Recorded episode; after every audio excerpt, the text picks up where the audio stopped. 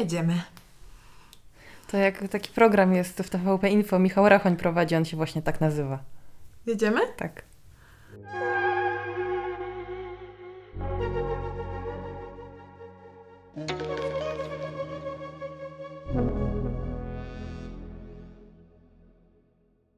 No już możemy normalnie rozmawiać. Dobrze, to już teraz rozmawiajmy normalnie. Jak dorosłe osoby. Jak dorosłe osoby rozmawiają? No normalnie jednak.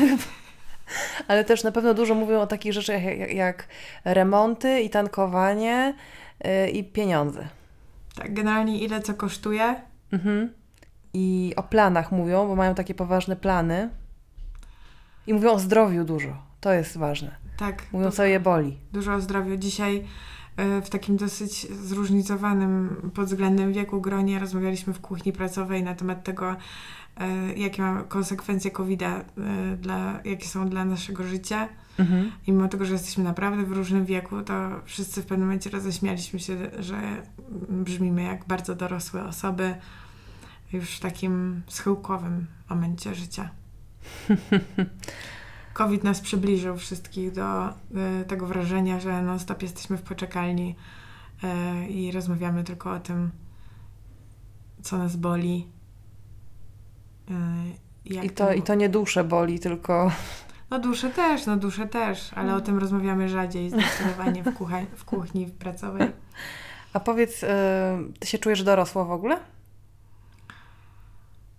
Em, bolesny punkt, Mhm. punkt czuły.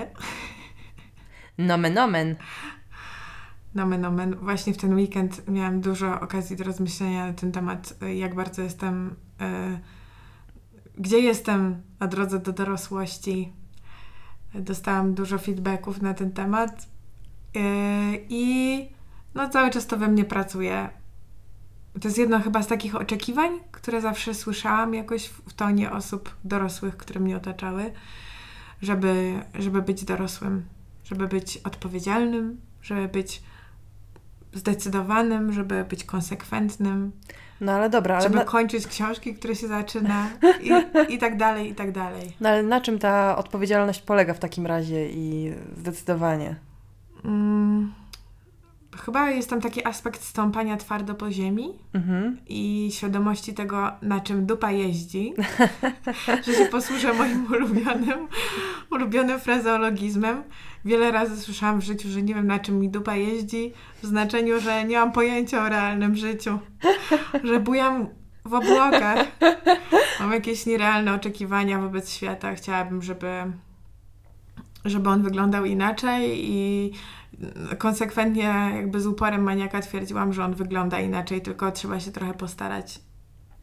Ja mam tak, że mm, myślę o, tej, o tym oczekiwaniu dorosłości, Mm. że ono jednak w dużej mierze jest oczekiwaniem mieszczańskiego życia. Takiego, takiego życia, że masz e, mieszkanie swoje na kredyt, albo nie, no, raczej zwykle na kredyt, ślub wzięty w kościele, A, dzieci rozmnożone, znaczy ty, ty rozmnożona, ty rozmnożona. Ale dzieci też rozmnożone później. Dzieci to później, na razie to jeszcze, to jeszcze nie jest moja odpowiedzialność jako dorosłej trzydziestolatki, tylko żeby te dzieci, żeby to mieszkanie, czy tam inny dom, żeby ten mąż, bo oczywiście wiadomo, że to jest mąż i to jest mąż mężczyzna i praca stabilna i na umowie o pracę i to jest wtedy dorosłość. I ja nie spełniam żadnego z tych punktów, e, więc nie wiem, czy jestem dorosła. A kiedy się czujesz najbardziej dorosła?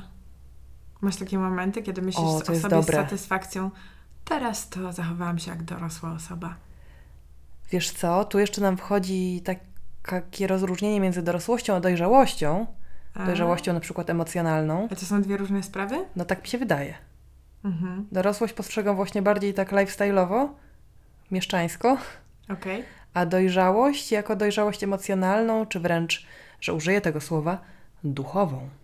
Ja dobrze rozpoznaję, że jeśli coś z tych rzeczy miało być dla Ciebie wartością, to właśnie dojrzałość, nie dorosłość? No tak, bo ja nie wiem co, tak naprawdę, co to jest niby ta dorosłość, nie?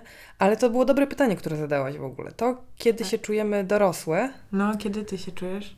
I chyba kiedy udaje mi się coś tak, wiesz, yy, zamknąć na przykład właśnie w pracy, że tak odpowiedzialnie coś wykonałam, jakieś zadanie i na przykład zarobiłam pieniądze i to jest, i kontroluję te finanse, co nie zdarza mi się za często. E, I wtedy albo jak na przykład, nie wiem, e, jest taki dzień, że w pracy wszystko dobrze, e, podlałam kwiaty, zapisałam się do trzech lekarzy i jeszcze, nie wiem, był pan z gazowni, którego sama umówiłam i wtedy czuję, że załatwiłam takie dorosłe sprawy. Jeszcze pranie jak zrobię. No, zdecydowanie. Pranie to jest punkt pierwszy. W dorosłym na liście dorosłości. A pamiętasz właśnie taki, taki pierwszy raz, kiedy poczułaś się taka su super dojrzała? Bo teraz mówisz o takich standardowych dniach, kiedy się czujesz super dojrzała. Czyli no dorosła, dorosła.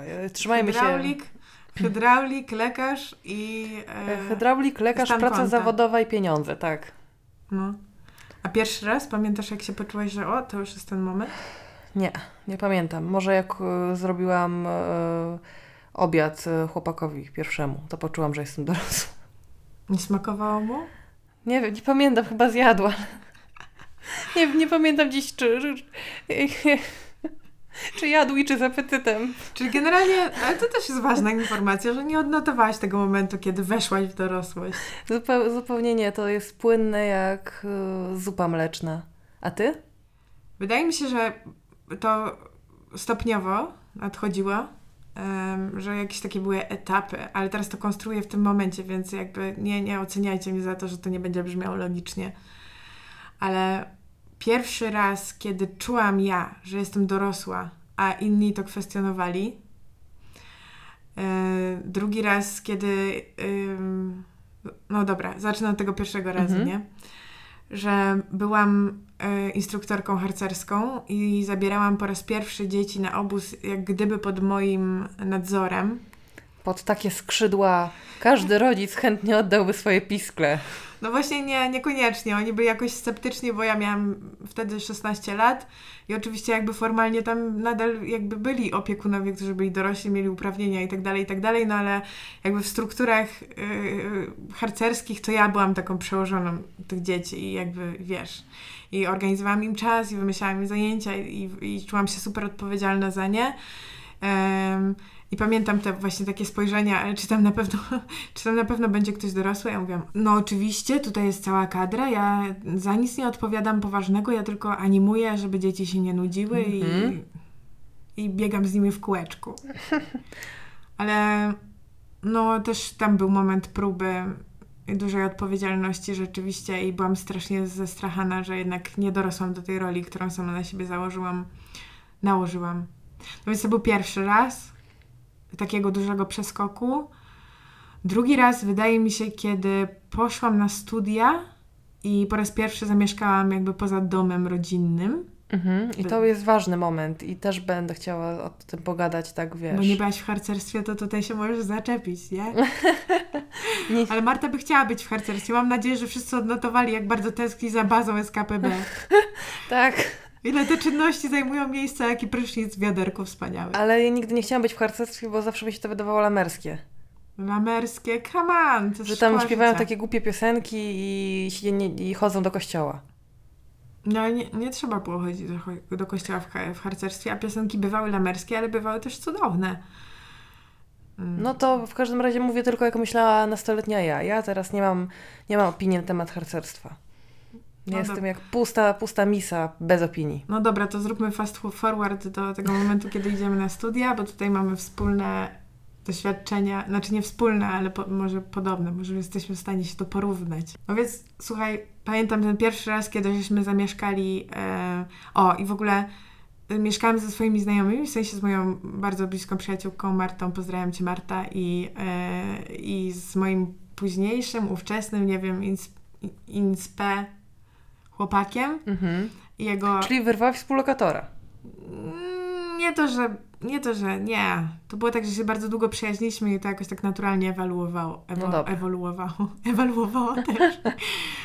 No więc jakby byliśmy we cztery osoby i mieliśmy wynająć mieszkanie i właściciel mieszkania nie chciał z nami rozmawiać, tylko powiedział, że na podpisywanie umowy to rodzice mają się stawić. I to była bardzo urocza scena, no ale jakby już od tego abstrahuję, e, mieszkamy razem i okazuje się, że moje nawyki mieszkaniowe są bardzo różne od nawyków mieszkaniowych moich najbliższych przyjaciół, którzy kompletnie nie kumają, co też ja najlepszego wyczyniam w tej łazience i dlaczego nie sprzątam po sobie. I wtedy pewne rzeczy, które były dla mnie w domu kompletnie przezroczyste, i tutaj nawiązuję do naszego poprzedniego odcinka o tym, co mama robi, jak wraca z pracy, Mhm. To że no, sta stało się dla mnie to tak totalnie oczywiste, że jak zmieniam ten kontekst domowy, to już nie jest tak, że ktoś będzie za mnie to wszystko robił, tylko naprawdę muszę ogarnąć się sama Mhm. dookoła siebie. No i wtedy, jak, jak już się naprawdę nauczyłam po sobie sprzątać i zmywa, zmywać naczynia, a nie wstawiać się tylko do zlewu, to, to poczułam, że to jest ten, ten, ten moment, kiedy już jestem e, na własnych śmieciach. A widzisz, a to jest ciekawe, bo ja ten moment odczułam dopiero wtedy, kiedy zaczęłam mieszkać całkiem sama, to znaczy w kawalerce, bez żadnych współlokatorek. E, I wtedy już byłam dosyć duża, bo miałam chyba 28 lat. Ale dopiero wtedy tak poczułam, że to jest takie moje. To znaczy, że już zupełnie mogę właśnie sprzątać albo nie sprzątać wtedy, kiedy chcę. Mhm. Może do mnie przychodzić kto chce, o której godzinie chce, czy to jest trzecia rano, czy to jest, wiesz, nie wiadomo która.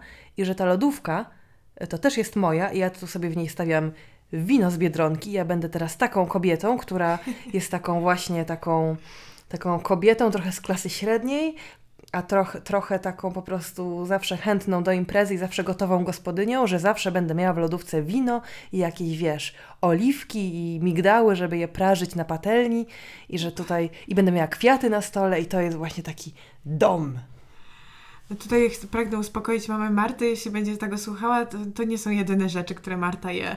Czasami oprócz oliwek i migdałów są też kwiaty. Moja mama, jak y, byłam na studiach a propos y, początków dorosłości faktycznej, to potrafiła mi zrobić przelew taki specjalny, dedykowany na jedzenie. I on się nazywał na przykład na mięsko. No, wspaniała osoba. Bo ja wtedy jeszcze jadłam mięsko. Pamiętam, jak czytałam taki wywiad z, chyba z Joanną Brodzik, w którym ona mówiła, że poczuła się dorosła, jak położyła dłoń na domofonie, dzwoniąc y, pod jakiś numer i zobaczyła, że to już nie jest ręka dziecka, to jest ręka kobiety. O matko, myślałam, że finał tej historii będzie taki, że zadzwoniła po raz pierwszy na serio, a nie dla Beki, żeby zadzwonić i uciec. I po, pamiętam, że po tym e, obserwowałam długo swoje ręce. Byłam e, nastolatką i myślałam, czy to są ręce to są- jeszcze dziecka, czy to już są ręce kobiety. Do, do tej pory mam wrażenie, jak patrzę na swoją rękę, że to jest ręka dziecka. A ale- pokaż. Nie, no mi się wydaje całkiem dorosła. E, Ręka kobiety. No, Ręka Fatimy. jak, słuchaj, jak na moje standardy, to, to jest bardzo dorosła ręka. Dobra. Bo ja ostatnio też mam kontakt z dziecięcymi rękami i one są po prostu takie, takie, takie bułeczki. Cie- Ciapulki takie. Takie ciapulki. Bardzo kochane zresztą.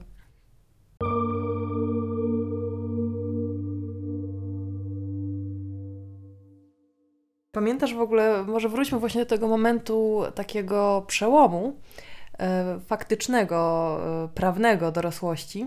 Ostatnio napisała do nas na Instagramie jedna osoba, która e, powiedziała, że właśnie jest na etapie wyboru studiów po maturze i tak myślała, że, i myśli intensywnie o tym. I tak była ciekawa, co my w ogóle o tym wszystkim sądzimy, i tak mi to przyszło do głowy teraz, jak miałyśmy robić odcinek o dorosłości. Zaczęłam myśleć właśnie, jak to było, jak sama wybierałam studia i szłam na studia i właśnie na swoje, no i też do Warszawy, która była daleko od Gdyni. I jak byłam tym taka strasznie, strasznie, strasznie przejęta. Tym, że to będzie tyle takich rzeczy do ogarniania samej. Nie, że w domu, nie, że tam robienie obiadu, ale na przykład walka z USOS-em, która już zaczęła się przed wyjazdem, rejestracja na te wszystkie WF-y, zajęcia i nie wiadomo co, dziwne plany. Nikt tego, oczywiście moi rodzice już tego nie ogarniali zupełnie, to ogarniałam sama i byłam cała przytłoczona tym, że to jest takie właśnie trudne. I ta Warszawa taka duża, że, żeśmy pojechały z moją przyjaciółką właśnie wynajmować mieszkanie jakieś, w którym mieliśmy mieszkać we, tro- we troje. Zgubiłyśmy się tam w ogóle wszędzie. wsz- Gubiłyśmy się i byłyśmy strasznie nieodpowiedzialne, niedorosłe. Myślałyśmy, że w Pruszkowie to jest jeden przystanek. I wysiadłyśmy na dowolnym przystanku i potem bardzo długo szukałyśmy naszej bazy, gdzie żeśmy tam spały. Byliśmy ogromnie nie- niedorosłe wtedy. Ale rzeczywiście y, miałam takie wrażenie właśnie przy osiemnastce i, i króciutko potem przy wyborze studiów, że, że to jest taki wielki przełom w ogóle w życiu, który nastąpi, w mojej mentalności też, w tym, że będę tą dorosłą osobą, a potem to przeszło zupełnie płynnie i w ogóle nie zauważyłam żadnego momentu, kiedy miałoby się to stać. No ja, ja też bym nie, nie wskazała palcem jednego momentu. Um, jakieś takie stadia, w sensie usamodzielniania się, w sensie uczenia się nowych rzeczy, które są jakimś elementem codzienności, a ja na przykład u Sosa to ja nie ogarnęłam bardzo, bardzo długo i byłam w ogóle w szoku, że jest wokół mnie tyle osób, które doskonale wiedzą, na jakie zajęcia chcą iść, kiedy się trzeba ustawić w kolejce, kiedy trzeba tam kliknąć, włączyć i coś tam. Ja byłam zawsze po prostu zagubiona we mgle. Ani nie znałam tych wykładowców, ani nie wiedziałam w ogóle, co ja robię na tych studiach tak do końca, bo dla mnie to nie był pierwszy wybór. I, I myślałam sobie w ogóle, jak zaczynałam te studia, to myślałam sobie, że ja przetrwam ten pierwszy rok, żeby tak coś postudiować i żeby w ogóle się rozwinąć, wykorzystując ten czas, a że tak naprawdę, jakby to już mówiłam tam w którymś odcinku, ale, ale że, że, że, że będę robić drugie podejście do, do Akademii Teatralnej. Mm, no potem oczywiście wszystko się bardzo szybko, trajektoria moich lotów się, się zmieniła już pod koniec roku akademickiego, miałam inne przekonanie. Bo mi się spodobały te studia. Mhm. Um, uważałam, że tam się dzieje dużo wartościowych rzeczy, że jest jakby też mnóstwo do nauczenia się. To znaczy, ten pierwszy rok na polonistyce jest zawsze taki turbo przeładowany. Um, I jakoś tak myślałam sobie, że dobra, już. Ale to też jest taka moja cecha indywidualna, nie? Nie wszyscy tak mają, że już tyle zainwestowałam w to, to już zobaczmy, co będzie dalej. Ja w ogóle mam wrażenie, że ten wybór studiów jest tak naprawdę w wielu przypadkach, na wielu bardzo kierunkach zupełnie nieistotny. To znaczy jest istotny później, bo okazuje się, że poznajesz tam jakichś ludzi, albo słyszysz tam o czymś, co cię interesuje, albo dla danego kierunku przeprowadzasz się do jakiegoś miasta, w którym tak. coś się dzieje dla twojego życia, ale nie możesz żadnej z tych rzeczy przewidzieć w momencie świadomego wyboru uczelni i kierunku. Że tak naprawdę to okazuje się, że nie ma ta decyzja świadoma podejmowana z takim pietyzmem, no tak. ona często nie ma zupełnie przełożenia na, na Twoją przyszłość w taki sposób, który jakkolwiek jesteś w stanie zaplanować. I też ludzie, mam wrażenie, yy, właśnie u progu kariery akademickiej, czy też w ogóle po prostu licencjatu, yy, mają indukowane jakoś przez rodziców pewnie często takie podejście, że to, co będę studiować, to zdeterminuje moją przyszłość na e, słynnym rynku pracy. Tak. Co potem okazuje się kompletną bzdurą, o ile nie jesteś e, le lekarzem, czy prawnikiem, czy inną osobą, która musi mieć konkretne uprawnienia, które dają tylko studia, bo żaden w ogóle pracodawca w moim życiu nie był zainteresowany za bardzo moimi studiami. Cieszył się, że znam dwa języki, ale to mogłam je znać bez studiów. Tak, no tutaj to możemy się zgodzić chyba jakby powszechnie, że generalnie to, co się przydaje bardzo e, w takim życiu zawodowym, to znajomość języków. E, zawsze, niezależnie od tego, do jakiej pracy się pójdzie. I druga rzecz to taka udokumentowana znajomość języków, nie? A nie taka, że tam... Że sobie zrobisz y, pięć kółeczek, narysujesz na tym. CV z kanwy. Jakby o to warto zadbać rzeczywiście, niezależnie na jakich studiach. A druga rzecz to, to są jakieś takie generalne rozpoznanie własnych potrzeb i umiejętności, które wydaje mi się, mhm. że można zrealizować na totalnie każdych studiach, ob obojętnie gdzie trafisz, i kontakty. Albo bez nich nawet. No, albo powiem nawet, tak, no powiem tak. taką herezję dla pokolenia naszych rodziców. No tak. Na, naszym rodzicom totalnie zależało na tych studiach, ale też no, ja, ja teraz widzę, że jak ludzie na przykład w, tam w, w moim otoczeniu próbują awansować na jakieś takie stanowiska kierownicze, czy różne, wiesz, jakby w wielu zawodach to ma znaczenie, że masz mhm. ten dyplom, nieważne jaki, że masz w ogóle ukończone studia wyższe, bo jest to wymogiem w, w procesie rekrutacji.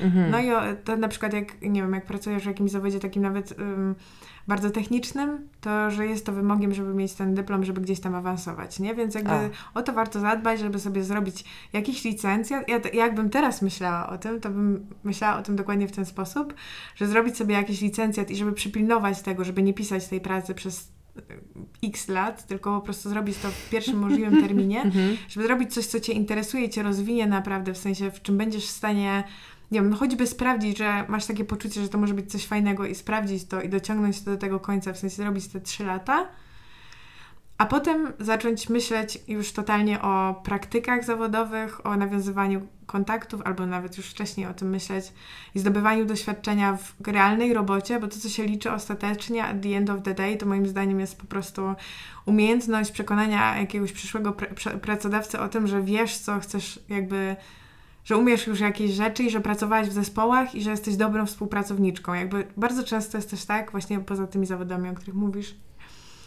e, tych lekarskich i prawniczych, że liczy się bardzo to, jak umiesz współpracować z ludźmi, jak czujesz, nie wiem, klimat zespołu, czy coś tam, czy potrafisz też się sprzedać na tej rozmowie i udowodnić, że nie wiem, że rozwiązałeś w życiu jakieś problemy i że masz świadomość tego, że to była dla ciebie trudność, żeby na przykład, nie wiem, dzwonić do hy- do hydraulika, bo nie lubisz dzwonić do hydraulików, a że to, to taki głupi przykład podaję, teraz oczywiście nie podawajcie takich przykładów, ale żeby mieć jakąś taką świadomość, że jestem na jakiejś ścieżce rozwoju i że- żeby też aplikować do miejsc pracy, w których naprawdę chcesz pracować, a nie jakichś takich randomowych kompletnie. To może być trudne, jak chcesz po prostu zarobić na chleb. Ale mamy No tak, niskie no ale- bezrobocie, więc... No ale możesz zarobić na chleb jakby w różnych miejscach teraz, no. Ja zawsze myślę, że tak naprawdę na tych e, rozmowach kwalifikacyjnych i w ogóle ludzie chcą po prostu zatrudniać ludzi, trochę powiem to samo co ty, którzy wydają im się kontaktowi i komunikatywni. Że to jest jakoś super ważne, że, mm, bo bez tego, jak pracujesz w, jakim, w jakiejś pracy, takiej typowej pracy w korporacji, nie mówię tutaj, wiesz, o e, kurde programiście albo, albo inżynierze takim, który siedzi i robi coś sam. Tylko jak pracujesz w jakimś zespole takim, w którym rzeczywiście trzeba ustalać rzeczy i mieć Ale- te kole. Bo No. muszę zrobić disclaimer, że No. akurat w IT to coraz częściej jest taka kompetencja, której się szuka właśnie. Nie to, ile ktoś się naprogramował na studiach y, inżynierskich czy, y, czy na matematyce na UW, tylko po prostu naprawdę to, jak umie współpracować z zespołem, bo to okazuje się to absolutnie kluczowe. Kiedyś właśnie było takie przekonanie o tym, że to, to nie ma znaczenia, a teraz w IT się głównie szuka osób, które e, potrafią pracować w zespole, rozumieją, że rozumieją na czym polega na przykład konflikt i kryzys i jak go rozwiązywać. nie? Czyli skończył się czas samotnych geniuszy programowania w Pythonie, którzy siedzą i zarabiają 16 tysięcy złotych? Nie, no zawsze są jakby potrzebne takie osoby, które potrafią jakby rozwiązywać konkretne jakieś tam bardzo zawiłe programistyczne kwestie, ale z takich osób bardzo często jakby trudno jest y, zbudować zespół. Bo No ci tak. ludzie i tak muszą się komunikować po prostu.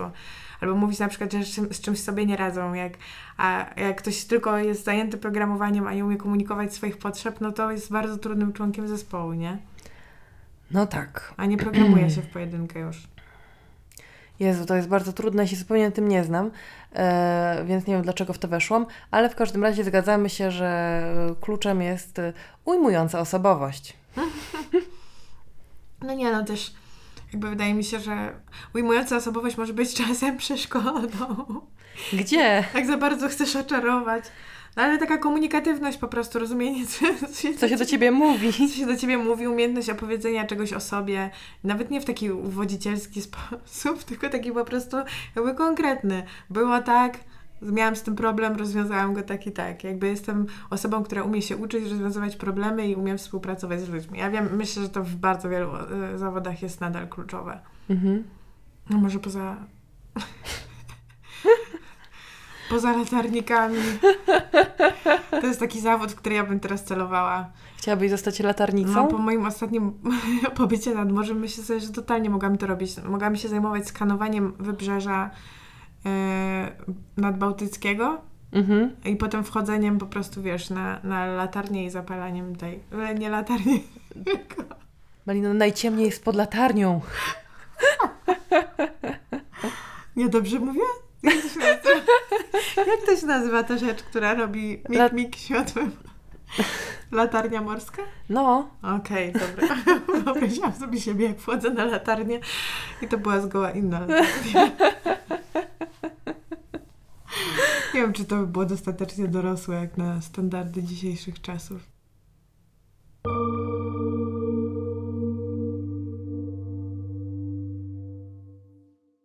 A jak ty sobie wyobrażałaś, na czym polega dorosłość, jak byłaś mała? Odpowiem przewrotnie na to pytanie, bo nie wiem, mhm. jak na nie odpowiedzieć wprost. Albo swoją przyszłość, jak będziesz miała, wiesz, dwadzieścia kilka czy trzydzieści lat? Wydaje mi się, że ja bardzo byłam buntownicza wobec wszystkich, No future. wobec wszystkich e, tych wyobrażeń, które ktoś próbował mi, żeby mi ułatwić, próbował mi podsunąć. E, byłam wobec tego bardzo buntownicza i zaciskałam mocno oczy i mówiłam, na pewno tak nie jest, na pewno tak nie jest, na pewno tak nie jest. W sensie miałam w sobie takie, no nie wiem, wynikające albo z przywileju, albo po prostu z tego, że jestem tym tygrysem. albo z różnych rzeczy, takie po prostu przekonanie, że jeśli będę się bardzo, bardzo mocno starać, to wszystko jest możliwe. W tym e, znalezienie jakby mm, bezpieczeństwa ekonomicznego w zawodach, w których kompletnie nie można jego znaleźć, jak byciu aktorką. Po prostu ludzie mi mówili, dziecko, z czego ty będziesz żyła? Co ty będziesz, co ty będziesz do gara A ty wkładać? wiedziałaś, z seriali. Nie, no przecież ja nie chciałam grać w żadnych serialach, chciałam grać w teatrze, jak Krystyna Janda. No to Krystyna Janda myślę, że ona nie bieduje. Ona nie bieduje, ale pomyśl o tych innych aktorkach, które nie No. mają swojego teatru. I wielkiego sukcesu No wiem, że Wajdy. we, we freelancie to jest trudno. Zresztą na etacie też jest często trudno. Ignorowałam w ogóle ten fakt, że tam jest jakaś konkurencja. myślałam sobie, że mam po prostu... Zaciskałam oczy i myślałam, że na pewno dam radę, na pewno dam radę, na pewno dam radę. No, taka, taka moja... Więc na pewno wiedziałam, że w dorosłości trzeba za siebie odpowiadać ekonomicznie. Mhm. I to jest ten czynnik, ale kompletnie nie przyjmowałam do wiadomości, że w tych zawodach, które wybierałam, Mhm. będzie to trudne. Jak ludzie mówili, dziecko, taka jesteś dobra z tej matematyki, może ty się zajmij tym programowaniem, może ty zajmij się liczeniem rzeczy, może ty idź na ekonomię. I na wszystkich etapach próbowali mi to podsuwać, a ja mówiłam tak, nie ma mowy, nie ma mowy. Nie, nie zamknął mnie w sztywnym gorsecie liczb. Też miałam przekonanie takie wtedy, że ekonomia to jest jakaś ścisła nauka, ależ byłam w błędzie. To prawda, ekonomia to jest astrologia dla chłopaków, jak wiemy. A ja miałam coś takiego, że miałam w ogóle taką wizję, jak miałam e, z 12 czy 13 lat, przerażającą zupełnie dorosłości. Znaczy, wiedziałam, że może tak nie być, i właśnie też sobie wyobrażałam, że będę miała jakiś e, wolny zawód, w którym mogę pracować w domu w piżamie, na przykład będę tłumaczyła książki, taką miałam wtedy wizję, ale Mhm. myślałam, że tak w ogóle to dorosłość to jest potworna, i wyobrażałam sobie to tak. Siedzę w szarej garsonce, w jakimś ponurym biurze, nade mną jarzeniówka, wiesz, piszczy i świeci tym upiornym światłem. Tak. Tak, albo takie ultradźwięki wysyła. I siedzę i przerzucam w segregatorze takim dużym jakieś faktury i, i idę, chodzę do ksera i jest tam szef w pokoju i mówię do tego szefa per pan i tak wiesz, 40 lat do emerytury, aż mnie wyzwoli ta emerytura z tego. I myślę, że to była jakaś, jak, jakiś konglomerat e, 90sowych e, wyobrażeń, biura i tak dalej, jakiś wiesz, fot, fotosu z Ali McBeal czy coś w kwestii stylowy i też tego, jak byłam mojej mamy w banku w pracy, wiesz, siedziałam tam sobie i pisałam na maszynie gdzieś tam w kącie i to rzeczywiście e, jakby bank e, na ulicy Hutniczej w Gdyni to nie było naj, najbardziej przyjazne dzieciom i najweselsze miejsce na ziemi, więc Nie było tam kącika dla, żadnego dla tam... naszych pociech. Słuchaj, tam była lepsze coś niż kącik, bo tam była maszyna do pisania, więc to była super zabawka, ale wnętrze było takie umiarkowane. E, No więc właśnie tak sobie wyobrażałam, że to jest taki znój i taki kierat straszliwy i bałam się w związku z tym tej dorosłości. Myślałam też, że to jest taki czas, kiedy trzeba właśnie orientować się na temat cen paliw i e, opłacać różne rzeczy, na przykład opłacać OC i chodzić na wywiadówki. No. E, I jakoś ten samochód bardzo mnie, e, bardzo mnie martwił. To, że trzeba będzie umieć jeździć samochodem i właśnie opłacać rzeczy i zmieniać koła i tankować, to wydawało mi się jakieś bardzo nie do przejścia. E, No ale w związku z tym e, rzeczywiście doszłam do wniosku e, po długim czasie, że mnie w ogóle nie przerażała dorosłość jako taka, tylko mnie przerażał, przerażał kapitalizm. A, jaki twist. Nie spodziewałam się tego, koleżanko. przerażała mnie konieczność pracy zarobkowej po to, że przez długi czas w ciągu dnia, e, prawdopodobnie wykonując zadania, które nie są dla ciebie fascynujące ani nawet ciekawe, tylko po to, żeby mieć co do gara włożyć. To było dla mnie przerażające. No, no tak i hate to break it to you all. Ale ostatnio widziałam jakieś takie statystyki na temat wypalenia zawodowego, e, że jakaś przytłaczająca większość Polaków aktywnych zawodowo ma poczucie, że ich praca nie ma sensu. Słuchaj, no ale to, to znaczy, że oni są inteligentni.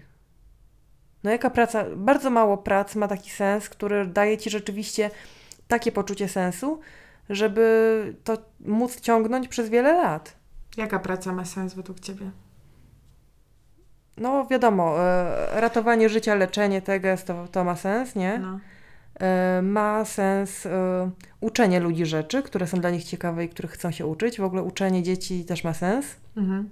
Ma sens, sorry, że tak powiem, ale myślę, że robienie sztuki ma sens i da się w tym odnaleźć. Sens. Kontrowersyjna teza. Zaraz się o to pokłócimy. E, dobra. Kończą mi się pomysły, słuchaj. Rzeczy typu jakieś takie mm, sprawiające, dające innym ludziom oddech i przyjemność i wytchnienie, myślę, że mają sens. Czyli masażystka na przykład. Myślę, że to jest zawód, który ma wiele sensu, chociaż oczywiście myślę, że można w nim być totalnie wypalonym zawodowo i go nie cierpieć. Nauczyciel jogi. Ale Nauczyciel jogi- nauczycielem jogi. Nauczyciel jogi to uważam, że to nie jest zawód, tylko to jest powołanie i jak już wiadomo, powinien nas uczyć za darmo, gdyż taka jest ścieżka jogi. Jak z kapłaństwem po prostu. Oto, Oto. oto. A kapłaństwo ma sens? Zależy jakiego kościoła. A, a, a chciałaś kiedyś robić, jak myślałaś o swoim zawodzie, to myślałaś o tym, że chciałabyś wykonywać pracę z sensem? Właśnie któryś z tych zawodów, które wymieniłaś? Więc najpierw chciałam być e, tłumaczką, jak byłam mała, potem chciałam być też pisarką oczywiście i uważałam, i w ogóle nie myślałam, czy to ma sens, tylko myślałam, że ja bym to chciała robić. To by mi sprawiało A, no przyjemność. właśnie, ja w ogóle chyba nie myślałam w, w, swo- w swoich jakichkolwiek wyborach zawodowych o tym, czy to ma jakiś sens społeczny, bo tak potraktowałam Twoje wcześniejsze pytanie, Mhm. tylko o to, czy coś mi sprawi przyjemność na tyle, żebym się nie męczyła, albo na tyle, żeby wręcz sprawiało mi przyjemność faktycznie. Więc Czyli to była myślałaś, moja... żeby to miało sens dla ciebie indywidualnie. Wyłącznie egoizm, tak. Tylko żeby dla mnie to było spoko. A ty jak, jakie miałeś podejście do tego? No właśnie to jest dosyć ciekawy wątek, em, bo ja jak, bę- będąc nastolatką byłam bardzo mocno zaangażowana w takie robienie sensu, to znaczy uważałam, że jakby tworzenie w społeczności, wychowywanie dzie- mło- młodego pokolenia to ma sens bardzo i miałam bardzo duże w związku z tym poczucie misji, ale równolegle z tym rozwijała mi się ta ścieżka teatralna i trudno mi do tego jakby to do czegokolwiek porównać, bo nigdy w żadnym innym kontekście tego nie przeżywałam, tak, ale dla mnie to jakby przebywanie w teatrze i granie w teatrze, to znaczy bycie na scenie, kiedy jest publiczność i wydarza się ten spektakl, to jest najbardziej magiczny rodzaj w ogóle interakcji międzyludzkiej, jaki może zaistnieć. To znaczy ci aktorzy. Mali- Malina, a seks? To jest e, właśnie teatr to taki seks Dla opor- w miejscu publicznym. Grupowy. Nie, autentycznie. Miałam po prostu takie poczucie, że ci aktorzy na tej scenie są tylko w tym momencie, tylko tu i teraz, e, że ten czas jakby przed, po, to wszystko przestaje istnieć, że to, że to się wydarza tu i to jest specjalnie dla nas. W sensie, że jesteśmy w tej wyjątkowej pozycji jako publiczność, że oni to robią dla nas i po prostu to się nigdy nie powtórzy. To jest jakieś unikalne doświadczenie. I to samo miałam, kiedy ja występowałam na scenie, że jakby mnie to kompletnie kompletnie niosło, jakby naprawdę wszystko inne przestawało istnieć, nie? I, i chciałam to rozwijać w sobie, w sensie, tam nie było za dużo myślenia, po prostu chciałam być w tym stanie jak najczęściej. Mhm. I, em, I ten wątek, jak gdyby tego, żeby to, co robię, ma se- miało sens społeczny, akurat w odniesieniu do teatru, o tyle było jakby się takie dziwne, że, że moim zdaniem to bycie tu i teraz i robienie czegoś, co się nigdy nie powtórzy w tym w jakimś konkretnym, jakiejś konkretnej wspólnocie, ma olbrzymi sens, chociaż nie umiem go, nie umiałam go wtedy wyjaśnić w takich kategoriach, do czego to się komu przydaje, jakby czy to wpływa jakoś na sytuację polityczną. Wiesz, no nie umiałam tego przełożyć na jakieś takie duże socjologiczne, y, socjologicznie ujmowalne procesy. Mhm. A potem jak zaczęłam pracować jako mm, redaktorka, to na początku miałam takie poczucie, że to jest znowu coś o pasji, w sensie o tym, że te intelektualne wyzwania, one są dla mnie po prostu, sprawiają mi przyjemność i też nie myślałam za wiele o konsekwencjach społecznych tego, Nie no, ale kto wybiera zawód myśląc o konsekwencjach społecznych? No, ale chodzi mi o to, jakby jaka praca ma sens, nie? O, ten, Mhm. o ten wymiar i że, ale właśnie powód, dla którego rzuciłam to ostatecznie, to było właśnie to poczucie, że to jest kompletnie bez sensu. W sensie, że produkowane są niesamowite ilości tekstów Mhm. przez bardzo, bardzo inteligentnych ludzi, którzy mogliby robić coś innego w tym czasie, ale produkują teksty, produkują wiedzę, która jest albo, nie wiem, ujęta w taki sposób, albo w, taki, w takiej ramie społecznej, że ona nigdzie nie dociera, w sensie nie, nie, nie powoduje żadnej zmiany. I to był dla mnie moment takiego zwrotu politycznego w pewnym sensie, że odkryłam to, że jest tyl, tylu łebskich ludzi, którzy po prostu nie mają żadnego wpływu po prostu na to, co się wokół nich wydarza. W sensie, że są te sobie akademie, te uniwersytety zamknięte w murach i to się na nic kompletnie nie przekłada, bo w tym samym czasie po prostu po, jakby rze- rzeczywistość polityczna odjeżdża po prostu w zupełnie innym kierunku. I to jest ten moment, kiedy zaangażowałam politycznie. I wtedy miałam takie bardzo poczucie, że właśnie nie chcę z tymi e, twardogłowymi, po prostu pięknymi, pięknoduchami, umysłami. Twardogłowi, pięknoduchy, twardogłowy, pięknoduchy, Nie piękne. Chcę, nie chcę z nimi pracować, chcę pracować, bo to nie ma kompletnie właśnie sensu, Mhm. tylko chcę pracować nad zmianą społeczną, polityczną, nad, nad zmianą realnej rzeczywistości. No tak, ja myślę, że to jest w ogóle problem całej e, no, kultury w Polsce. Czy to No. jest kultura typu teksty, czy to jest kultura typu teatr, czy to jest e, no, kultury, no, nazwijmy ją tak wysokiej, nie? No. Że ona może oddziaływać i może coś zmieniać i może być ciekawa i może skłonić do, skłonić do myślenia, ale jaką grupę? Jak Tak. malutką, wąską, rachityczną grupę ludzi, którzy chodzą do muzeów i chodzą na spektakle i czytają teksty w dwutygodniku. No właśnie, ja byłam ostatnio w jakimś takim wielkim szoku, jak poszliśmy na ten spektakl Borczucha Mhm. i mi się A wydawało... poszłyśmy na mieszkanie na Uranie w Nowym Teatrze dla doprecyzowania, no. No i to jest taki spektakl, który totalnie jakby dotyka takich kwestii absolutnie, nie wiem, fundamentalnych teraz dla tych ruchów To progresywnych. może y, dwa słowa powiesz? No. Czy ja mam powiedzieć, Powiedz, żeby... powiedz. To jest spektakl na podstawie tekstów y, Paula Beatrice Preciado, mam nadzieję, że to dobrze czytam, czy też wymawiam, y, w którym takim wątkiem y, spajającym całość jest motyw transpłciowości i y, jest też wideo do tego zrobione, w którym jest cały długi wątek bardzo polski, bardzo rodzinny, autowania się z byciem osobą transpłciową przed rodziną, a w tej warstwie jakby scenicznej już są poruszane tematy najróżniejsze od y, sex workingu przez feminizm po uchodźców. Bardzo jest to taki spektakl zawierający wiele elementów, o których mówi dziś współczesna lewica. No tak. I już trochę abstrahując od tego, czy uważam, że ten spektakl miał sens, czy nie, e, to jakoś byłam w jakimś niesamowitym szoku, jak jest ten moment przed spektaklem, kiedy zwykle siedzimy cicho i, i się nastrajamy O tak, o Boże! i słuchamy rozmów dookoła, To ja to bez sensu to opowiedziałam wszystko. To, to nie ma znaczenia fabuła, przecież to, No nie, nie ma znaczenia, To- ale dobrze, że opowiedziałaś, to, To nie, to wytniemy, wiadomo, wytniemy to. że nie mówimy o randomowym spektaklu, To- ale nie, bo to, nie. Ma, to ma znaczenie, bo chodzi o to, że te, ten spektakl był naładowany politycznie. No. On jakby miał coś. No właśnie, pytanie, czy skutecznie, czy nie, ale miał coś zaznaczyć. Tam było takie po prostu zaznaczenie jakichś istotnych kwestii politycznych. Takie ja odniosłam wrażenie, że taka była przynajmniej intencja Tak. reżysera. E, I przyszły na ten spektakl osoby, które tam siedziały gdzieś za nami i rozmawiały o tym, jaki jest fajniejszy model Tesli i kiedy będą jeździć tą Teslą i czy widziałaś, że tamta Tesla, że, tam, że tamci znajomi czy sąsiedzi mają taką Teslę, a y, jaki wy macie... Nie to, że mam coś przeciwko samochodom, bo jak wiecie, Ja mam coś przeciwko Elonowi Maskowi. mam coś przeciwko Elonowi Maskowi, ale nie mam nic przeciwko samochodom. Samochody bring it on.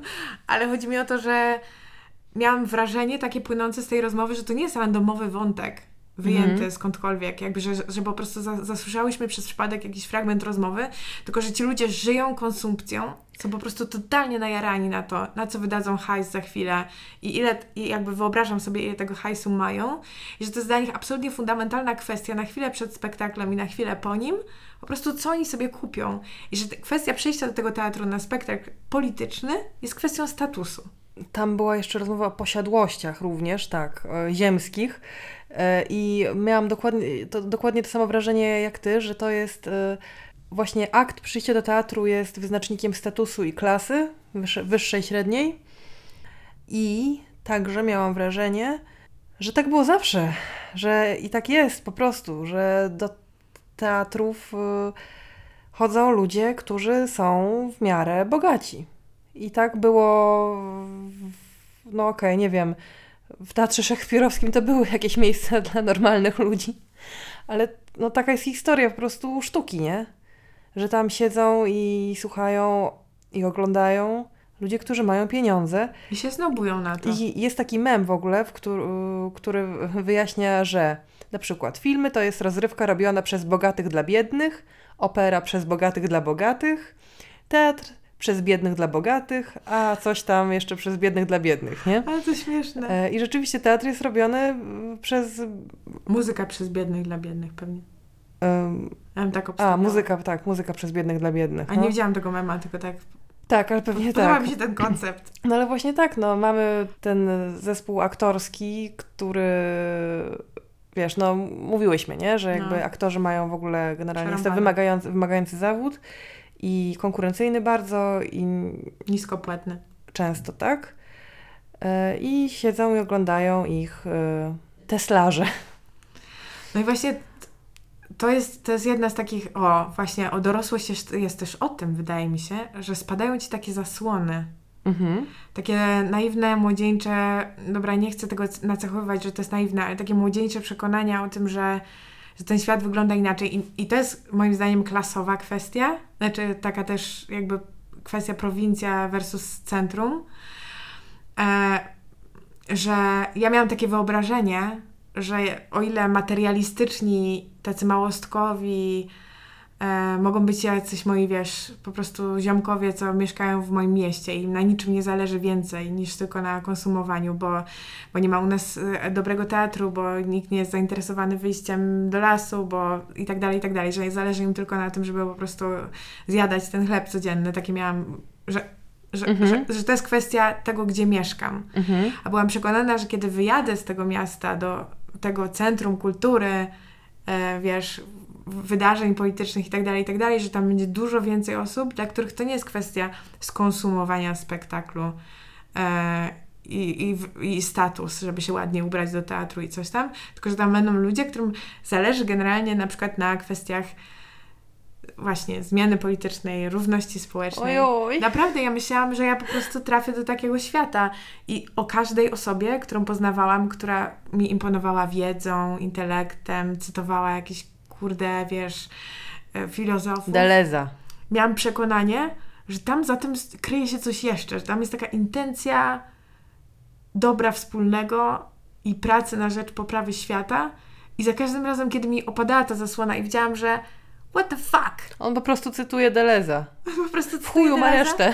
Bo mu to robi, bo to jest taki name dropping po prostu, bo jest to statusowe, żeby znać więcej Deleza niż tamten zna Deleza. No po prostu... Bo jakby za mało, za mało cytatów powiedział, to by źle spał w nocy.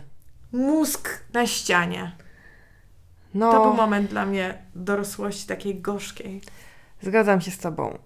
Yy, nie wiem, czy miałam takie wyraźne poczucie, poznając ludzi, przyjeżdżając do Warszawy i tak dalej, ale wiem, że to te takie gorzkie rozczarowania, że ludzie, których uważałam za na przykład właśnie intelektualistów albo osoby po prostu jakieś takie mądre, że okazuje się, że na przykład y, mają rozdęte ego, albo myślą tylko o sobie, albo są niewrażliwe. To były takie e, konstatacje dosyć trudne i otwierające oczy. Yes. I z jaką przyjemnością się potem o nich plotkowało. With eyes wide open. Mhm. Tam jest chyba arms, ale możemy zmienić okoliczność tej rozmowy. Nie wiem nawet, co cytujesz. Czy to Delez? to nie Delez, tylko rokowy zespół, Marta. Prosto z dyskoteki ode mnie z Chaczewa.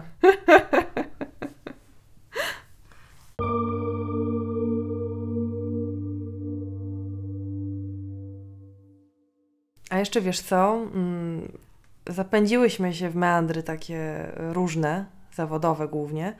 A ja myślałam jeszcze o tym, jak dzisiejsze trzydziestolatki, milenialki i milenialsi. Ja już nic nie wiem o nich. Jesteś moim ostatnim bastionem wiedzy. To kim ty jesteś, przepraszam? Ja jestem duszą już po 60. Dobrze, proszę nie fleksuj się na to. E, chciałam powiedzieć, że jest ta fraza nie umieć w dorosłość. I po angielsku jest ten cały, e, wiesz, to adult, nie? A właśnie, ale skąd to się wzięło tak językowo? To nie jest kalka bezpośrednio, nie? Nie umieć w coś, I cannot into, nie wiem. Słuchaj, nie wchodźmy w to, Okej. będziemy nudne, jak to zaczniemy robić. E, Więc e, tak tylko chciałam powiedzieć, że to Nudne jak dorośli. No właśnie. E, że, że często widzę, jak, e, jak właśnie 30-letnie osoby, które mają pracę, mają gdzie mieszkać, e, płacą podatki, chodzą na wybory, generalnie prowadzą dorosłe życie, mówią, że nie umieją w dorosłość, bo na przykład kupiły sobie polar z jednorożcem i siedzą jedzą żelki i oglądają głupi serial. I ja Mhm. nie umiem w dorosłość. Hmm? I jakie ty masz uczucie na ten temat, bo ja chyba swoje wyraziłam w pewnej mierze. Ja się nauczyłam od, od ciebie takiego słowa flexowanie się na coś. Czy to chodzi o to, że czy ja dobrze coś nauczyłam? Że No. po prostu, że sprawia, chcesz sprawiać wrażenie, że masz jakąś tam cechę, tak? No tak. Czyli, że jest moda na flexowanie się na bycie dzieckiem nadal. Mhm. Ja się zastanawiam, skąd ona się bierze i nie mam jakichś łatwych odpowiedzi, ale wiem, że jest to generalnie napiętnowane przez pokolenie naszych rodziców. Yy, bywa, yy, że, że to jest jakieś takie właśnie Piotrusiopaństwo Mhm. i Wen- Wen- Wendyństwo, Mhm. bycie, bycie Wendy. Wending. Ja sama mam taką koszulę nocną z napisem Don't grow up, it's a trap. Nie ufaj nikomu po trzydziestce. I w ogóle z Bambim też mam. Więc trochę się flexuję chyba, em, ale t- u mnie to wynika z tego, że zawsze jak byłam małym dzieckiem, to chciałam mieć te wszystkie gadżety, a mi nie było stać, więc teraz jak mnie stać, to sobie czasem kupię. Ale czy, czy to wynika z tego, że osoby, jak myślisz, stawiam taką tezę, że osoby próbują pomieścić w sobie radość życia, Nie, ja myślę, że to w ogóle brakuje? nie, nie chodzi o, że to nie chodzi o flexowanie się na bycie dzieckiem, tylko na nieumienie w dorosłość, że nie jestem dorosły. To jest coś innego. Bo dziecko to jest pewien zestaw cech, jakichś, wiesz, kojarzonych, nie wiem, spontaniczność, beztroska, dobra zabawa. Nie o to chodzi. Chodzi o to, że nie umiem w to straszne dorosłe życie. Aha, czyli że znowu przegapiłam termin yy, sprawozdania podatkowego, nie umiem w dorosłość, tak? Tak, To- tak, to tak, tak. Jezu, kran mi cieknie, muszę dzwonić po hydraulika. Jak? Nie umiem w dorosłość, nie umiem odbierać telefonu. Napisz mi SMS-a, nie umiem w dorosłość. Ale to jest takie jakby trochę pochodna takiego księżniczkowania, nie? Że o, jestem taka niezaradna. No, Kurde, ja myślę, że ty ciągle tego nie czujesz, o co chodzi. No ja wiem, to powiedz mi, z czym masz problem, Marta? No bo myślę, że, znaczy nie mam y, z tym problemu. Tylko co tu się wydaje tobie... Wydaje mi się, wydaje mi się, że wiesz, chyba już wiem, dlaczego mnie to denerwuje, bo czytam to jako wyraz y, jakiegoś przekuwania w komunikat do innych, takiej bezradności związanej y, z natłokiem obowiązków i z natłokiem y, zadań y, i w ogóle z systemem, w którym żyjemy, czyli właśnie z tym kapitalistycznym chodzeniem do pracy, ogarnianiem druków i pism, zapisywaniem się do lekarzy, e, całą, całym tym takim skomplikowanym jakby systemem zadań, które trzeba wykonywać cały czas, żeby jakoś funkcjonować i że tym ludzie są przytłoczeni. Że E, zamiast powiedzieć to wprost, to przekuwają to w żart? Zamiast powiedzieć to wprost, to y, mówią, że to jest, że właśnie przyjmują tę narrację, że na tym, na tej nieustannej męce życia codziennego polega Mhm. właśnie dorosłość. A dorosłość nie musi na tym polegać, wiesz o co chodzi? A dobra, że można, rozumiem. wiesz, można zmienić system. Znaczy wiem, że nie można, albo jest to mega trudne.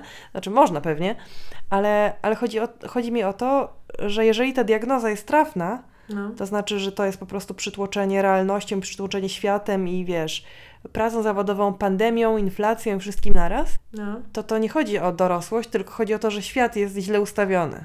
A to jest bardzo ciekawy wątek, bo wydaje mi się, jak teraz myślę o kontekście japońskim, który jako tako mam rozpoznany, to że tam jest właśnie ten galopujący kapitalizm i taka połączony jeszcze z, z e, szowinizmem i różnego innego rodzaju izmami. I, I że tam właśnie jest tak mocno bardzo rozwinięty ten rynek na. Na kawaii rzeczy, Na kawaii słodkie piórniczki i, i No. podkolanówki, ale to jest ciekawe. No. Rzeczywiście, bo tam masz z jednej strony tych ludzi biednych, którzy zasypiają w metrze po prostu o 24 wracając do domu z biura. No, a dzieci też, ja widziałam dzieci wracające w takim stanie. Dzieci prześladowane w szkole, wiesz, tam dręczone generalnie przez nauczycieli. No, ale przez uczniów również. Przez... Tam jest strasznie duża przemoc między uczniami. I generalnie taka, taki brak swobody i dostosowywanie się do grupy bardzo no, mocne. musisz wyrabiać hajs po prostu, ponad Aha. normę. Wieczny Albo być, świetną mat- albo być świetną matką, która robi idealne bento dziecku do, do, no, do szkoły. Wiadomo. Kurde. Ale to jest ciekawe, ciekawa myśl, I że być właśnie- może to jest właśnie jakiś y, spuszczenie powietrza y, dziwny, dziwną sublimacją. Tak, ale to jest spuszczenie po- powietrza bez spuszczenia powietrza Oczywiście, oczywiście. No tak, bo to tak. bento musi być idealne, więc zarwiesz noc, e, żeby zrobić po prostu śmieszny obrazek na ryżu, który to dziecko i tak zje albo nie zje, bo nie lubi ryżu. Jakby w sensie, wiesz, a, a selfie zrobisz sobie śmieszne i słodkie, ale też ono musi być idealne. Jak masz jakąś tam zmarszczkę, to już to nie jest idealne. E, jakby wydaje mi się, że, że to jest jakaś taka jakieś takie przesunięcie odrobinę Mhm. tego samego rodzaju rygoru, Mhm. ale w taki sposób, żeby to było jak gdyby o zabawie. Mhm. Myślę, że to jest nadal presja i kierat i tak dalej, i tak dalej, ale zacytowane w trochę arebur taki sposób, Aha. że to jest innego rodzaju presja, która jest trochę takim karnawałem, taką karnawałową presją, nie? Ale fajnie, bardzo mi się to podoba. No. Dobra, dobra rozkmina. Masz, dziękuję pani, pani Magdo, piątka z kulturoznawstwa. A, dziękuję. Zaraz, zaraz się okaże, że jednak nie kumam tej Japonii tak do końca. Ale nie naprawdę mam to... Tak samo jest po prostu tam też z jakby kwestią y, wyzwolenia i nie, zniewolenia seksualnego, nie? To jest bardzo wszystko ciekawe. O tak. Ale w Polsce wydaje mi się, że mm, patrząc, bo w ogóle te kraje nam się tylko wydaje, że one są tak odległe i się tak niewiele różnią, ale jak się spojrzy na przykład na role społeczne kobiet, Mhm. i o tym też powinniśmy chyba porozmawiać w kontekście dorosłości, to wcale nie jest nam tak strasznie daleko. Do kogo? No do Japonii. One nawet nam współczują, że my mamy tyle presji na sobie.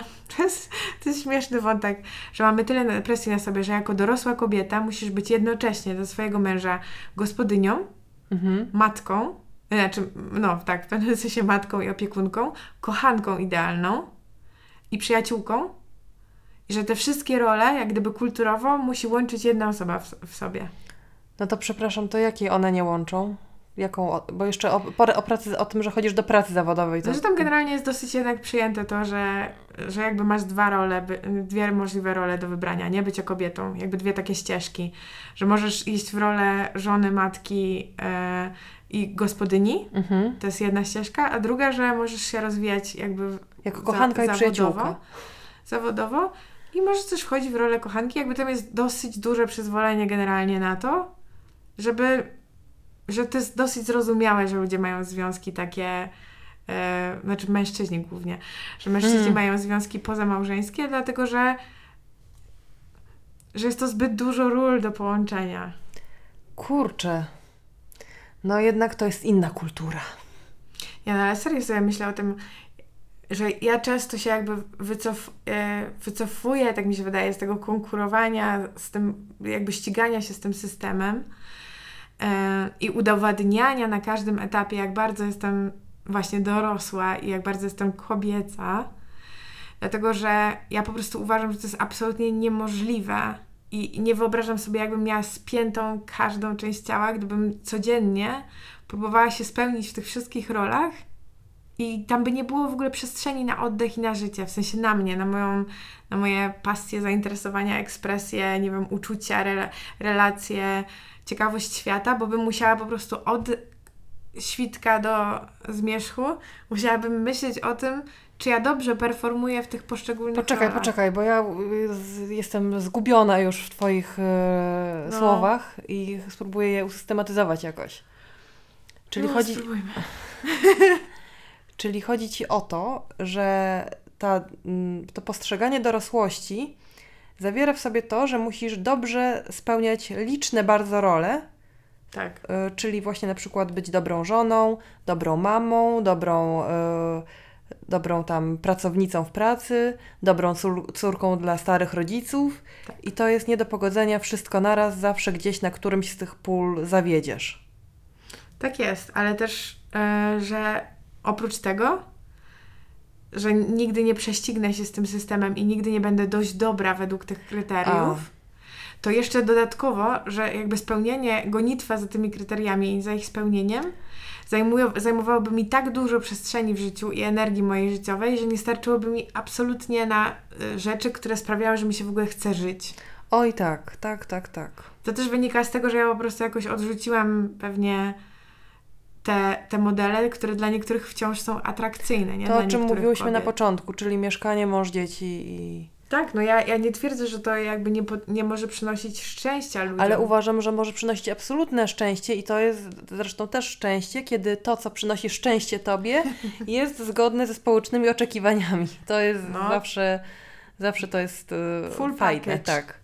E, No ale wiadomo, więc w ogóle jakby nie neguję osób, które czerpią przyjemność dużą właśnie z takiego życia, którego chciałyby dla, dla nas nasze matki. No. To jest super. No, ale, ale tak, rozumiem, co mówisz. Więc no, morał z tego taki, że chyba nigdy nie będę dorosła. Za bardzo mnie to męczy. Mhm. Jakby przy, przyszłam na świat nie po to. Przyszłam na świat po to, aby kochać Ciebie. Tak, tak, tak mi mów. Ty jesteś moim słońcem, a ja Twoim niebem. Dokładnie tak. E, Dziękuję. Następna piosenka Manamu w tym temacie. Po prostu bądź. O. Po prostu bądź. W zuchwałej chwili pożądania nadałam tobie takie imię. To nie było jeszcze dorosłości. To jest o opozycji dorosłości, o podążaniu za, e, za tym, co ci w trzewiach tam, wiesz. Ale tam jest, tam jest taka fraza mm, nie oceniaj mnie e, ani dobrze, ani źle, po prostu bądź, rano zjedz ze mną śniadanie. No. Nie wydaje się to szczególnie głęboki tekst, jak tak się go mówi, a nie jak Kora go śpiewa, ale, Ale to jest bardzo piękna piosenka. Jak Kora go śpiewa, to od razu masz ochotę być po prostu. Oj tak, i jeść to śniadanie. I tańczyć. Tak. No. I całować osobę, którą kochasz. No. Jeszcze jest jedna piosenka o tym.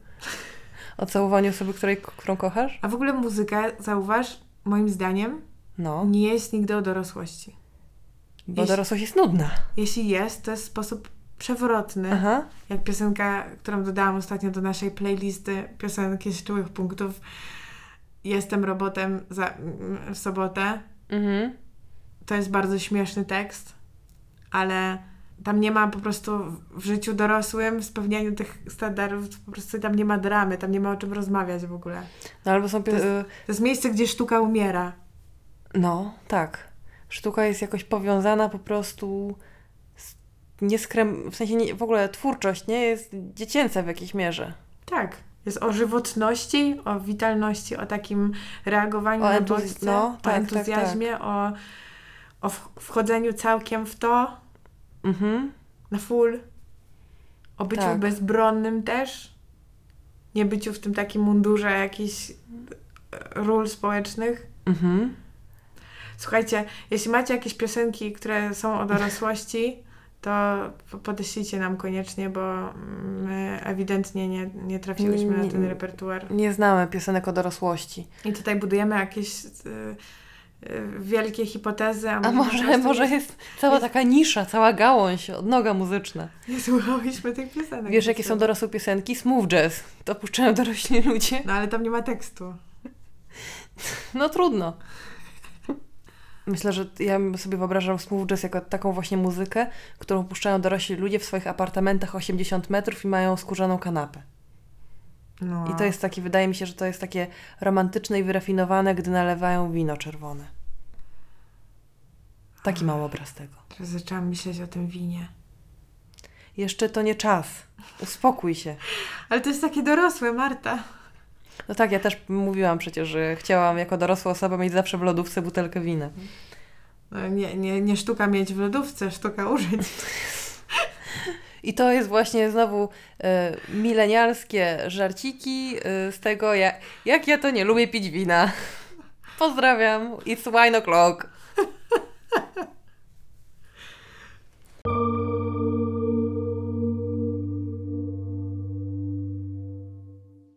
Marta, a co ty tym masz? Tam masz jakiś psychotest?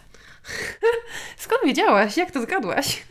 Ja mam, słuchaj, tekst, który napisałam w wasz dzienniku y, jakiś czas temu, czyli trzy lata temu. Byłam wtedy jeszcze dzieckiem niewinnym, e, który nazywał się Ranking dorosłych rzeczy. Sprawdź, ile z nich ogarniasz i dowiedz się, czy faktycznie jesteś dorosła. Okej, I teraz wydaje mi się to ciekawe, żeby, żeby przez to przejść dla zabawy i nauki. Po pierwsze, co myślałam, że jest dorosłe żartobliwie trzy lata temu, a po drugie, jaki mam do tego stosunek i czy jesteśmy dorosłe. To jest świetny pomysł na zabawę. Ale zabawa jest dziecięca, więc samo w sobie robienie tego testu jest niedorosłe. Masakra. Słuchaj, po pierwsze, sama A. zapisujesz się do lekarza. Na NFZ też. Tak. To jest trudne do przejścia, nie? U mnie plus, u ciebie minus? Plus. Ale na NFZ nie umiem, tylko umiem z pakietu z pracy. To mnie przerasta jednak. No do NFZ-u po pierwsze nie można się zapisać, a po drugie, żeby nie móc i osiągnąć porażkę, to trzeba stanąć w kolejce o 6 rano, dlatego to jest dla Ciebie niedostępne. Tak, ale umiem iść na, na izbę przyjęć do szpitala na SOR jak coś. No i to już jest, To umiem. to już jest bardzo dobry krok we właściwą stronę. Kolejny punkt rozliczasz PIT, czyli nuda. Wiadomo, że rozliczamy PIT. Ale tak po prostu czy w terminie? W terminie. To ja jestem tutaj plus i minus. Pamiętam, pamiętam Cię, jak na działce moich starych 2 maja robiłaś PIT. Pamiętam to, nie musimy o tym więcej mówić. Punkt y, kolejny ciekawy. Tak? Nie pytają Cię o dowód, jak kupujesz fajki. Ja nie kupuję fajek. Jak kupujesz alkohol. Eee, no już, już dawno mnie nie pytali, ale nadal się zdarza.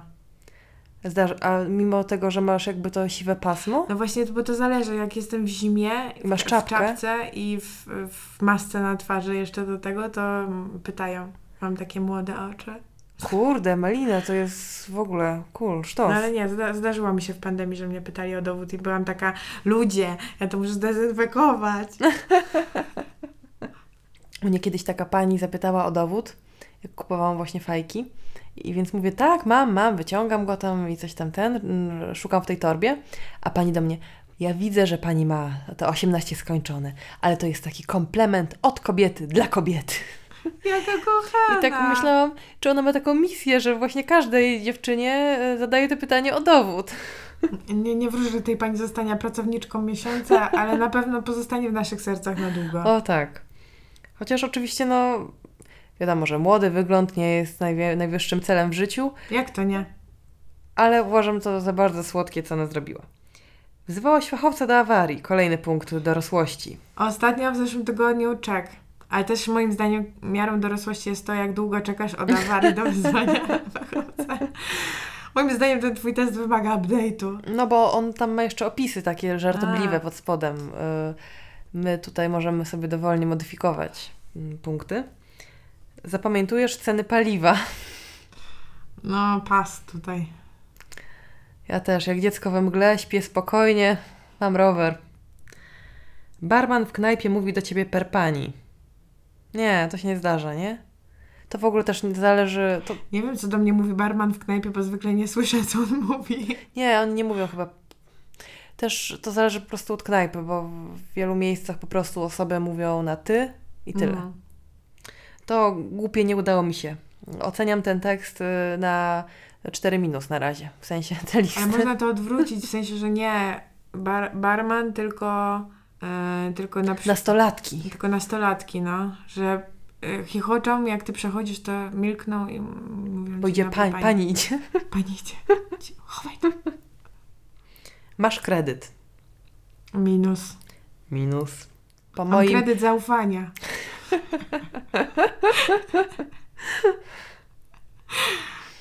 Liczy się? Tak. E, smakuje ci whisky. Nie znoszę whisky. Nie, o Jezus. To jest w ogóle, to szatan wymyślił. Ja uważam, że to jest jak po prostu pić niszowe perfumy. Ojej, ojej, nie. Nie. Sobie przypomniałam ostatnio, jak próbowałam, nawet z kolą nie wchodzi mi. Ja lubię brandy z kolą, ale whisky? Nie, nie dorosła. Zalałaś sąsiada z dołu, albo sąsiad z góry zalał ciebie i musiałaś z tym dealować. Czek. Pamiętam to. Bardzo się cieszyłam, że już nie mieszkam z tobą. Odpadał sufit. Mm, No i punkt pierwszy, główny, czyli robiłaś remont lub budowałaś dom. Remont, tak, domu nie. Taki kafelki, fachowcy? No wiesz, Ściany, malowanie? Ka kafelków to na kafelki to się nie doczekam w moim mieszkaniu, ale chociaż to nie ja robiłam ten remont w gruncie rzeczy. To chyba się nie liczy. Widzisz, ja kojarzę właśnie remont i e, budowanie domu bardzo z dorosłością, ponieważ moi rodzice budowali dom przez całe moje dzieciństwo. W związku z tym miałam taką mocną wizję, że dorosłość to jest, wiesz, wybieranie gabaritów i rozmawianie nie o fachowcach od cekolowania i o panu Edku, który kładzie kafelki i o panelach fotowoltaicznych i o tym, czy szambo, czy oczyszczalnia ścieków. I ja tak mogę mówić bardzo długo, bo wszystkie te tematy były bardzo ważnymi tematami w moim domu przez cały okres mojego dzieciństwa. No w moim podobnie, ale też mieliśmy bardzo dużo magazynów typu Murator, O. Murator! Ale w ogóle chyba w tamtym czasie mi się tak mocno rozwinęła ta miłość do podglądania ludzkich domów, Mhm. w sensie przez okna też, jak oni tam sobie żyją. To jest dla mnie tak fascynujący temat, jak ludzie żyją, jak sobie organizują swoją codzienną przestrzeń. Też to uwielbiam, uwielbiam na to patrzeć. No. I też A- lubię chodzić do ludzi do, do domów w odwiedziny właśnie z tego względu. żeby zobaczyć, jak oni tutaj mają, jak, jak ludzie mieszkają, to, to jest super temat i od dzieciństwa mnie interesował. E, na przykład nawet w książkach ilustrowanych patrzyłam, e, No. jak ludzie tam mają mieszkanka. Bo to był mało mieszkanka, dlatego to mówię, nie dlatego, żeby powiedzieć zdrobnienie, to było w książkach z obrazkami. Może ja się minęłam z tym. Z architektką wnętrz powinnaś była. Miałam tak, my- taką myśl w życiu. A czy czułabyś, że to ma sens? No, w sensie w ogóle architektura ma mnóstwo sensu, też architektura wnętrz, no bo jakby budujesz ludziom lepsze życie.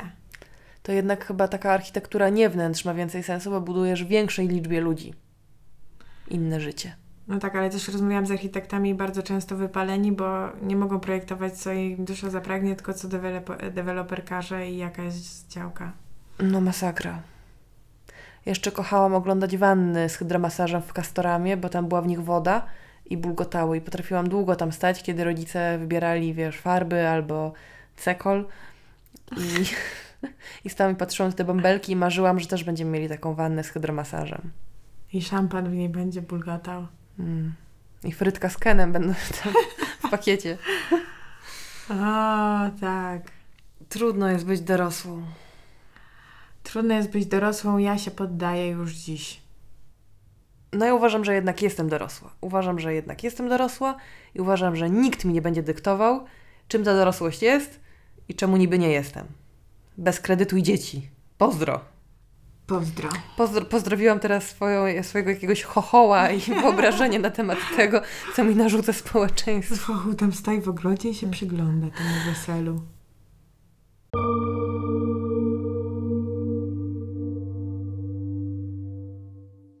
Marta, chyba pora na morał z dzisiejszego odcinka. Tak.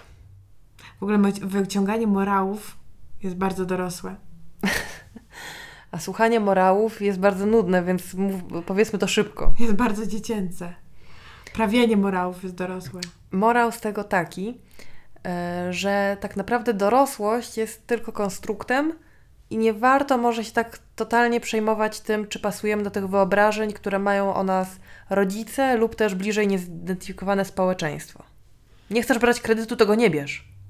Jeśli nadal żywisz takie wyobrażenie, że osoby, które zajmują się jakimiś dziedzinami, pra- dziedzinami pracy intelektualnej lub artystycznej i w związku z tym są jakoś bardziej zainteresowane e, tym, żeby nie rozpieprzył się ten świat na kawałki i żeby cofnąć katastrofę klimatyczną, to jesteś w błędzie. Otwórz oczy! Otwórz oczy na to, że ludzie także mądrzy i zdolni i różni, także zdarza im się, że myślą tylko o sobie, że są próżni. To wielkie nasze odkrycie w dorosłym życiu było. O ile nie chcesz być lekarzem albo prawniczką, to co wybierzesz mm, jako swój kierunek studiów raczej nie będzie miało decydującego, ostatecznego znaczenia. Natomiast warto uczyć się języków, szczególnie języka miłości. E, Aby y, skutecznie kultywować język miłości, w swojej lodówce zawsze warto mieć wino i migdały, aby nakarmić nimi głodnego kochanka. Oraz lakier do paznokci. Żeby co? Żeby co z nimi zrobić? No ja nie wiem, Po- co się robi, bo nie jestem dorosłą kobietą. Pomalować seksownie paznokcie? Mm, Słuchajcie, y, słuchajcie piosenek Manamu, pięknych, o, które w ogóle nie są o dorosłości, a są za to o przeżywaniu życia, miłości i po prostu byciu. Jeśli idzie- idziecie do teatru i chcecie bardzo rozmawiać o Teslach, to miejcie na bacze, baczenie na to, że możemy siedzieć gdzieś obok i I śmiać się, was. śmiać się z was po prostu jak świnie. Śmiałyśmy się tam jak świnie i nawet mówiłyśmy y, głośnym szeptem coś o tych ludziach, a oni w ogóle nas nie słyszeli, bo słyszeli tylko warkot silnika w swoich głowach. A raczej brak tego warkotu, bo Tesla nie warczy! I takie cicing.